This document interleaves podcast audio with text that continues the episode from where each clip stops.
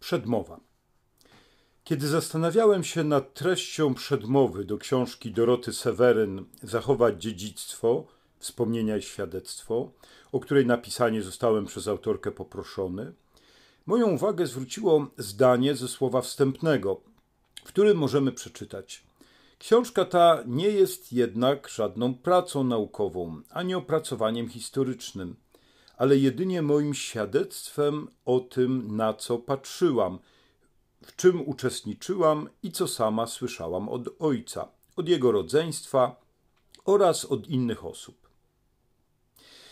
Czytając te słowa, przypomniałem sobie początek pierwszego listu świętego Jana Apostoła. To wam oznajmiamy, co było od początku, cośmy usłyszeli o słowie życia, co ujrzeliśmy własnymi oczami, na co patrzyliśmy i czego dotykały nasze ręce, bo życie objawiło się. Myśmy je widzieli, o nim świadczymy i głosimy wam życie wieczne, które było w Ojcu, a nam zostało objawione. Już papież Paweł VI mówił, że człowiek naszych czasów chętniej słucha świadków niż nauczycieli, a jeśli słucha nauczycieli, to dlatego, że są świadkami. Tak napisał w Ewangelii Nuncjandi. Dlatego z radością przyjmuję wiadomość o ukończeniu, po kilku latach pracy, książki napisanej przez naocznego świadka kilkudziesięciu lat życia księdza Franciszka Blachnickiego. Na takie obszerne wspomnienia od lat czekali wszyscy, którzy mają świadomość wyjątkowości osoby założyciela ruchu Światło Życie. I oto teraz, oprócz istniejących od lat publikacji naukowych, a także różnych, najczęściej krótkich wspomnień, jakie do tej pory wydano drukiem, zyskaliśmy nowe, niezwykle cenne źródło informacji na temat życia kapłana, któremu wielu z nas ogromnie dużo zawdzięcza.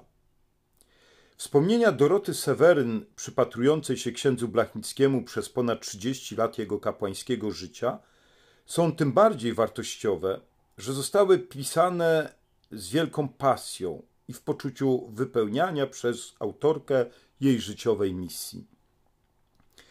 Oprócz opowieści o znanych faktach z jego życiorysu, znajdziemy w nich różne anegdoty, jakie chętnie wydobywamy z naszej pamięci, gdy opowiadamy o drogich nam osobach.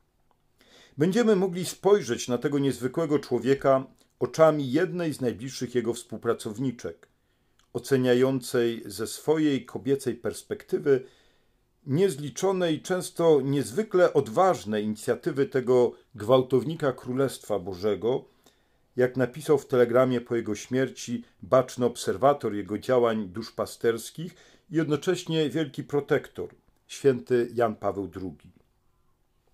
Ale właśnie takich wspomnień nam potrzeba.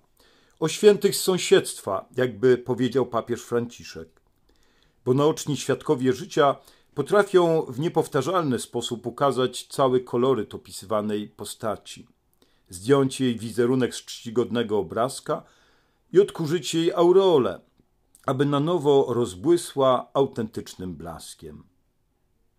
I za to, że potrafiła tego dokonać, jesteśmy autorce niezmiernie wdzięczni. Wspomniana powyżej książka została w pewnym stopniu przeredagowana i ukazała się pod zmienionym tytułem Nasze korzenie. Autorka przy wydatnej pomocy Agnieszki Leszka Kowalów zdecydowała się również na nagranie jej w formie audiobooka, zgodnie z pierwotną redakcją. I taki właśnie audiobook niniejszym mam przyjemność zaprezentować. Ksiądz Marek Sendek, moderator generalny ruchu Światło Życie.